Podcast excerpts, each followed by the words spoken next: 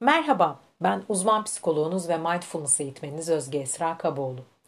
Bir şeyleri keşfetme arzusu duyduğunuzda bunu merak diye adlandırırsınız değil mi? Gelin bu kavrama biraz daha yakından bakalım. Sizleri merak etmeyi, merak etmeye davet ediyorum. Şimdi öncelikle hayatınızda tanıdığınız en meraklı insanları düşünün. Büyük ihtimalle zihninize gelen kişilerin çoğunluğu çocuktur. Çocukken daha meraklı oluruz değil mi? Özellikle şöyle 3, 4, 5 yaşları, her şeyi soran yaşlar. Sanki o çocuklar dünyayı keşfetmeye gelmiş ve sizler de dünyanın bilgeleriymişsiniz gibi her şeyi sormak ve öğrenmek isterler. Aslında bu işin dile dökülen kısmı. Biraz daha öncesine gittiğinizde bir bebeğin dahi dünyayı keşfetme konusunda nasıl büyük bir arzuyla doğduğunu gözlerinizle görebilirsiniz. Peki ne oluyor da biz merakımızı yitiriyoruz? Ne oluyor da hayat tek düzey ve alışılmış hale dönüyor? Ve ne oluyor da bu heyecan, keşfetme arzusu bir yerlerde yitip gidiyor? Bunun yanıtını bilemiyorum doğrusu. Ancak galiba hayatın her gününün birbiriyle aynı olduğunu düşündüğümüzde, hayatta keşfedilecek bir şeyler olmadığını düşünmeye başladığımızda ve bu düşüncenin gerçekliğini kabul ettiğimizde merak duygumuzu da yitirebiliyoruz. Bizler hayatın içerisinde belli görevleri yerine getirme, yaşamı sürdürme ve idame ettirme yükümlülükleriyle yaşıyoruz. Bilim insanları merak kavramını incelediklerinde iki farklı yorum yapmışlar. Bunlardan bir tanesi var olan bir zorluğu ortadan kaldırmak için merakın işlevsel olduğunu söylüyor. Yani bir stresi ortadan kaldırmak, bir şeyi öğrenme gereksinimi duymak ve öğrendiğinde rahatlamak amacıyla merak etmekten söz ediyor. Buna yoksunluk tipi merak diyorlar. Bir diğer merak tipi de keşfetme odaklı bir merak. Bu e, tanımlamayı iki psikolog 2006 yılında yapmışlar. Zaten açıklama kısmına da araştırmalarını yazacağım. isteyenler daha detaylı bir şekilde bakabilirler. Hayat hakkında daha fazla şey keşfetmeye odaklı olmaktan söz ediyor ikinci tip merak. Bizler merakımızı yitirdiğimizde hayatın tek düzeliğinden ve aynılaştığından şikayet edip duruyoruz. Bir ilişkiyi düşünün. Bugün 14 Şubat. Madem öyle hadi gelin bu, bu örnekten yola çıkalım. Hepimizin şikayeti şu değil midir? İlişki heyecanını kaybetti. Merakımızı yitirdik. Artık birbirimiz hakkında bir şeyi merak edemez hale geldik. Peki burada bu rutinin içerisinde merak edilecek bir şeyler gerçekten yok mu? Yoksa merak edecek bir şeyin kalmadığını düşünüp bu düşünceye mi inanıyoruz? Mindfulness'la biz hayatın her anının bir öncekinden daha farklı olduğunu fark ediyoruz. Bu anlattığımızda biraz ım, yavan gelebilir kulaklarınıza. Çünkü mindfulness deneyimsel bir şey. Ancak şöyle örneklendirebilirim. Bir düşünceyi merak ettiğinizi fark edin. Onu merakla incelediğinizi. Neler gözlemlersiniz? Hadi durun, kaydı durdurun ve şu an aklınızdan geçen düşünceyi farkındalıkla inceleyin. O düşünceye ne oluyor? Nasıl değişiyor? Aynı mı kalıyor? Arkasından başka bir düşünce geliyor mu? Sonrasında kaydı devam ettir. Muhtemelen düşünceye farkındalıkla baktığınızda onu bir nesne gibi ele aldınız değil mi?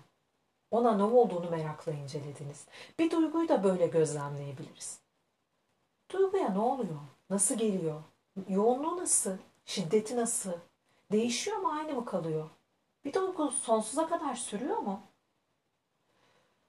Bu cümlelerin her biri birer merak unsuru taşıyor.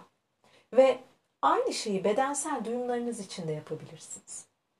Beş duyunuzla algıladığınız her şeyi merakla inceleyebilirsiniz.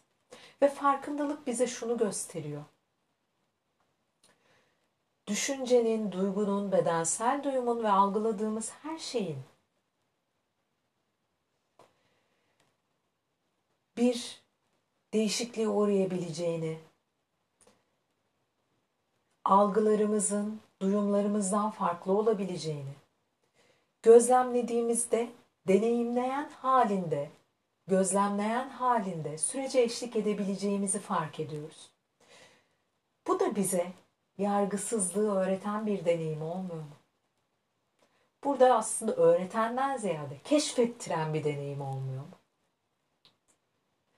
İşte yargısızlık zaten buradan geliyor. Yargılarını farkına varmaktan geliyor.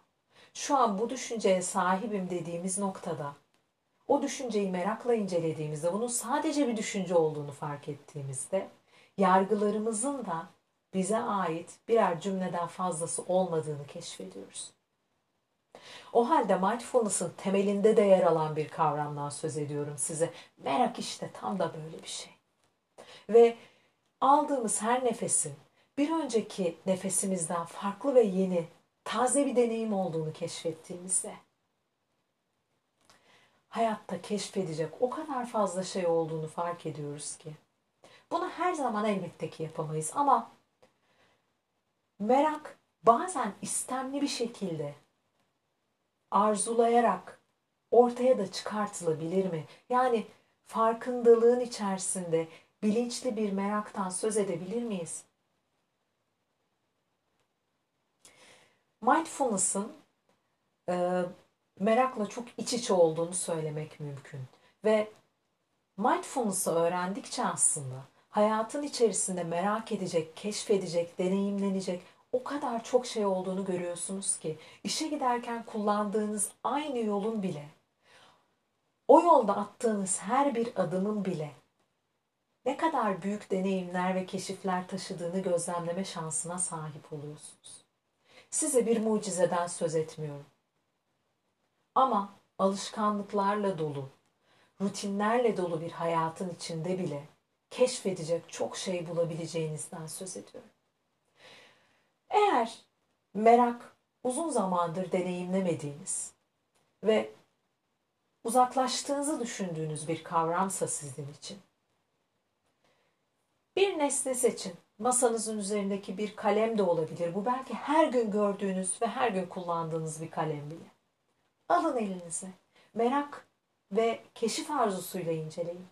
Neye benzediğini, nasıl göründüğünü, dokusunu, kokusunu, sertliğini, yumuşaklığını, şeklini her neyse deneyimlediğiniz fark edin. Ve merak oraya taşıdığınızda bu deneyimin sizin için nasıl bir şekle büründüğünü, sizin için nasıl hediyeler barındırdığını inceleyin.